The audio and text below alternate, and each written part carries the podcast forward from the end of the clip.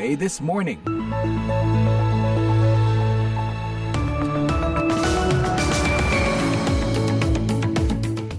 Selamat pagi, inilah VOA This Morning, Rabu 20 Desember 2023 bersama saya Nur Hadi Sucahyo, produser kami Puspita Sariwati dan operator Nelson Lopez.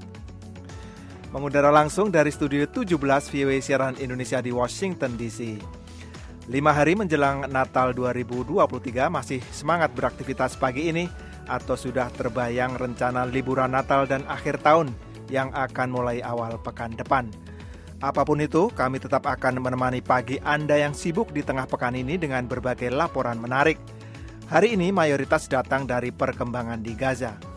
Yang pertama tentang bagaimana perang terus berlanjut di kawasan itu dan kunjungan pejabat Pentagon ke sana. So this morning, we've launched Operation Prosperity Guardian under the umbrella of Combined Maritime Forces di Israel sendiri warga kini mulai tertarik membeli senjata karena trauma dengan peristiwa 7 Oktober lalu. All the sales it's up from 7 October it's semua penjualan naik dari 7 Oktober. Ini naik seribu kali lipat dari sebelumnya hingga tanggal 7 itu. Siaran ini dapat juga disimak secara live streaming di situs kami di www.voindonesia.com atau melalui podcast VOA This Morning di platform podcast langganan Anda. Untuk mengawali rangkaian laporan itu, rekan saya Leonard Triono akan membacakan sejumlah berita dunia. Selamat pagi mendengar Presiden Israel Isaac Herzog mengatakan pada hari Selasa bahwa Israel siap dengan jeda kemanusiaan lagi untuk menjamin kebebasan dan pembebasan sandera yang ditahan di jalur Gaza.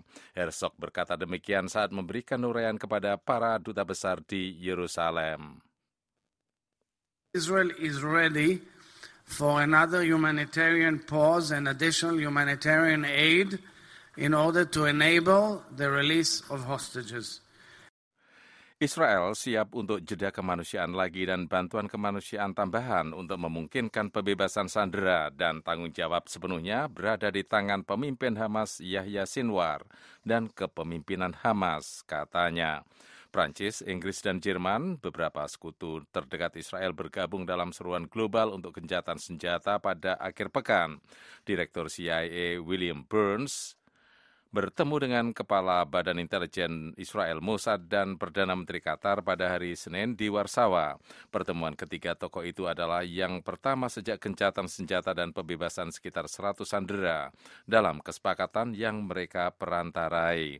Hamas dan kelompok-kelompok militan lainnya masih menahan sekitar 129 sandera.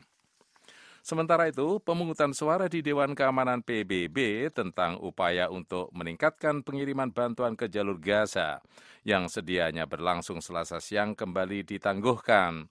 Mengutip sejumlah diplomat, kantor berita Reuters melaporkan penangguhan ini dikarenakan masih terus berlangsungnya perundingan untuk mencegah veto ketiga Amerika atas berbagai langkah yang diambil terkait perang Israel-Hamas yang sudah berlangsung selama dua bulan. Pertemuan Dewan Keamanan PBB yang berlangsung sejak selasa pagi itu sedianya mengambil keputusan tentang tuntutan agar Israel dan Hamas mengizinkan akses bantuan ke jalur Gaza lewat rute darat, laut, dan udara, dan membentuk semacam tim pemantau PBB untuk mengawasi pengiriman bantuan kemanusiaan itu. Resolusi ini dirancang oleh Uni Emirat Arab.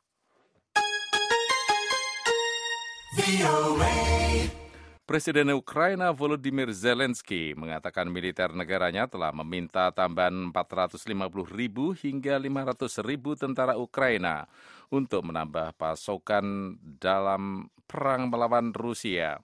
Dalam konferensi pers akhir saya ulangi, dalam konferensi pers akhir tahun di Kiev pada hari Selasa, Zelensky mengatakan belum ada keputusan akhir yang dibuat mengenai permintaan tersebut dan para pejabat tinggi militer akan membahas masalah tersebut saya katakan bahwa saya memerlukan lebih banyak argumen atau alasan untuk mendukung langkah ini karena pertama-tama ini adalah persoalan masyarakat, kedua ini adalah persoalan keadilan, ini adalah persoalan kemampuan pertahanan dan ini adalah persoalan keuangan katanya. Sementara itu, Kepala Hak Asasi Manusia PBB Faulkner Turk pada hari Selasa menyoroti apa yang disebutnya sebagai kegagalan besar dari pihak Rusia dalam mengambil tindakan yang memadai untuk melindungi warga sipil di Ukraina dari serangan Rusia. Turk mengatakan kantornya telah mengonfirmasi 10.000 kematian warga sipil sejak Rusia melancarkan invasi besar-besaran ke Ukraina pada Februari 2022. Namun jumlah korban sebenarnya kemungkinan jauh lebih tinggi. Negara-negara kuat dunia mengatakan pada hari Selasa bahwa masyarakat internasional memerlukan tanggapan yang tegas dan terpadu terhadap pengembangan nuklir dan peluncuran rudal Korea Utara yang gegabah. Para Menteri Luar Negeri G7 mengatakan dalam sebuah pernyataan setelah peluncuran rudal balistik paling kuat milik Pyongyang bahwa tindakan gegabah Korea Utara yang berulang kali harus ditanggapi dengan respons internasional yang cepat, bersatu dan kuat, khususnya oleh Dewan Keamanan PBB. Korea Utara pada hari Senin melakukan uji coba rudal balistik antar benua tercanggihnya yang berpotensi mencapai Amerika Serikat.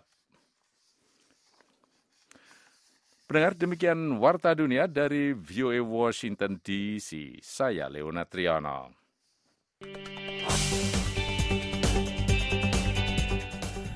Guna memastikan kebebasan navigasi di Laut Merah yang beberapa pekan terakhir diusik dengan serangan oleh beberapa kelompok yang marah dan kecewa dengan serangan Israel ke Gaza, Amerika hari Selasa mengumumkan Operation Prosperity Guardian atau Operasi Penjaga Kemakmuran. Sembilan negara ikut mendukung operasi sembilan negara ikut mendukung operasi ini. Berikut laporannya. Pendengar Menteri Pertahanan Amerika Lloyd Austin hari Selasa tiba di Doha, Qatar, di mana ia melangsungkan pembicaraan yang produktif untuk secara resmi memperluas hubungan pertahanan bilateral kedua negara. Qatar merupakan salah satu negara yang didatangi Austin dalam lawatannya ke Timur Tengah sejak Senin lalu.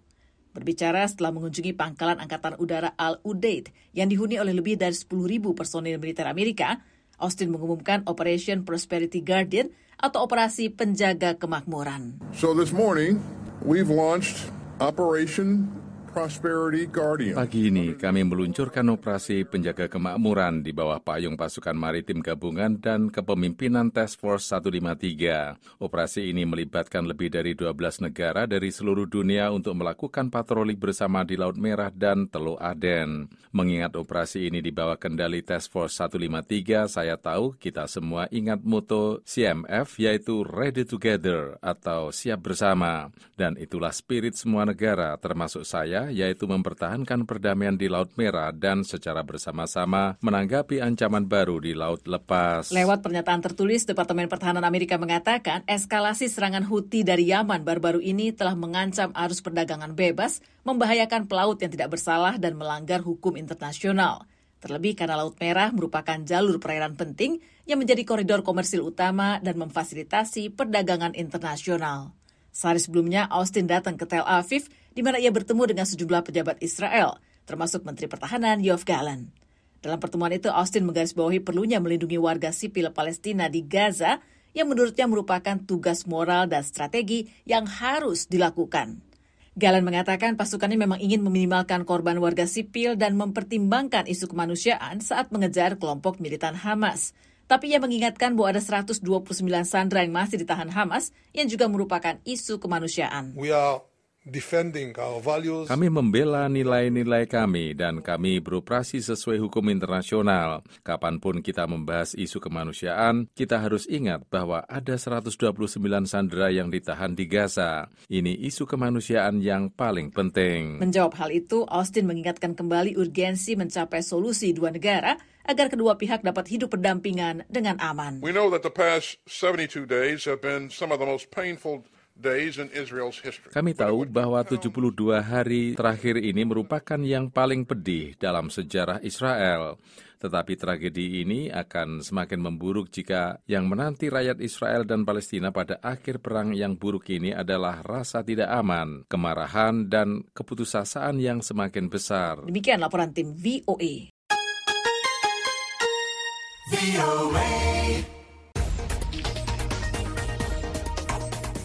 Pendengar, selagi bentrokan antara Israel dan kelompok militan Hizbullah Lebanon meningkat di sepanjang perbatasan Israel-Lebanon, VOA mengunjungi segelintir warga yang mempertahankan kibbutz atau komunitas Yahudi yang dikosongkan hanya 2 km di wilayah Israel. Kita ikuti laporan selengkapnya bersama Puspita Sariwati.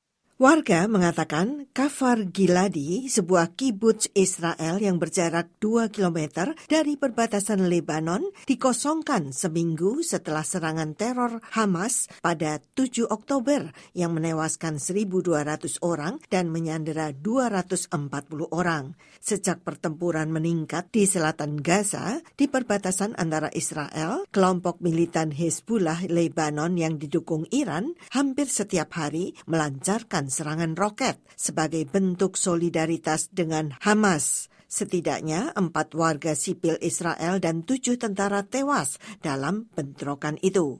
Segelintir warga tetap tinggal untuk menjaga Kafar Giladi, salah satunya Nisan Zevi.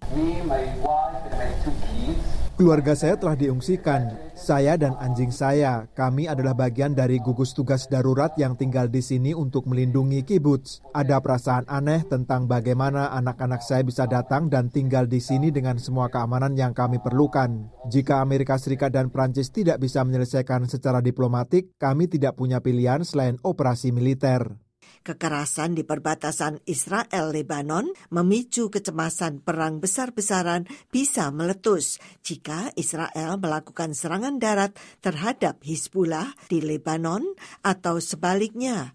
Israel dan Lebanon adalah sekutu AS dan dipandang sebagai kunci untuk memastikan stabilitas di Timur Tengah. Konflik tidak hanya akan membuka peluang kedua bagi Israel, tetapi juga dapat memicu kebuntuan dengan Iran. Pakar Israel mengatakan perang bukanlah hal yang diinginkan Israel, namun mereka mungkin terpaksa. Denny Terza adalah CEO Yosmot, sebuah perusahaan yang mengkhususkan dalam bidang perencanaan strategis prasarana umum. Iran, some, uh... Iran menggunakan Hizbullah sebagai proksi melawan Israel. Masalah kami bukan dengan Lebanon, masalah kami adalah dengan Hizbullah. AS mendesak Israel untuk menahan diri dan menerapkan tekanan diplomatik untuk mencari solusi damai di kedua sisi perbatasan. Jalur diplomatik untuk menghentikan serangan Hizbullah telah dicoba tetapi tidak berhasil dan kini pemerintah Israel harus mengusahakan sebuah solusi militer. Puspita Sariwati, VOA, Washington.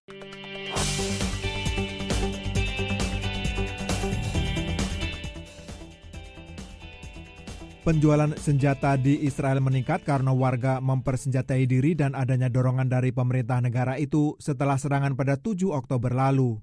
Yair Yifrah, seorang penjual senjata di pemukiman Givat Ziv di tepi barat yang diduduki Israel, mengatakan penjualan senjata telah meningkat seribu kali lipat sejak serangan itu ketika militan juga menculik sekitar 240 warga Israel. All the sales, it's up from 7 October, it's semua penjualan naik dari 7 Oktober. Ini naik seribu kali lipat dari sebelumnya hingga tanggal 7 itu. Ya itu naik dan itu gila, benar-benar gila. Warga sipil mulai membeli senjata. Para kritikus mengatakan bahwa semakin banyak senjata di tangan warga sipil hanya akan menyebabkan lebih banyak kekerasan baik terhadap warga Palestina maupun Israel. Contoh dramatis dari hal ini adalah terbunuhnya Yuval Kesselman, seorang warga sipil Israel bersenjata yang menembaki penyerang Palestina di Yerusalem bulan lalu, namun kemudian ditembak mati oleh seorang polisi yang rupanya mengira dia adalah seorang penyerang. Mirit Sarabi adalah seorang pakar keamanan di Institut Demokrasi Israel.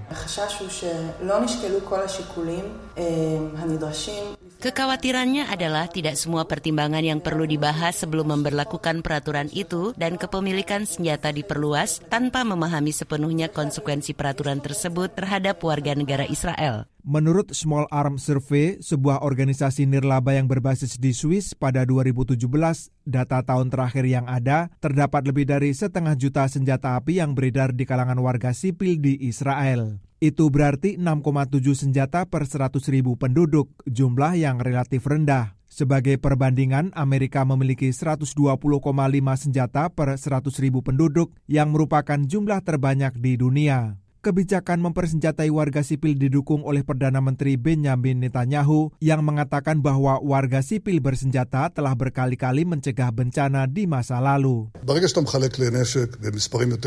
Setelah Anda membagikan senjata kepada lebih banyak orang, hal-hal yang diperingatkan orang bisa terjadi. Sejalan dengan itu kita tahu gelombang terorisme telah ada sejak dekade terakhir dan bahkan sebelum itu. Kehadiran banyak warga sipil yang dipersenjatai bisa menyelamatkan situasi dan mencegah terjadinya bencana besar. Nur Hadi Sucahyo melaporkan untuk VOA Washington.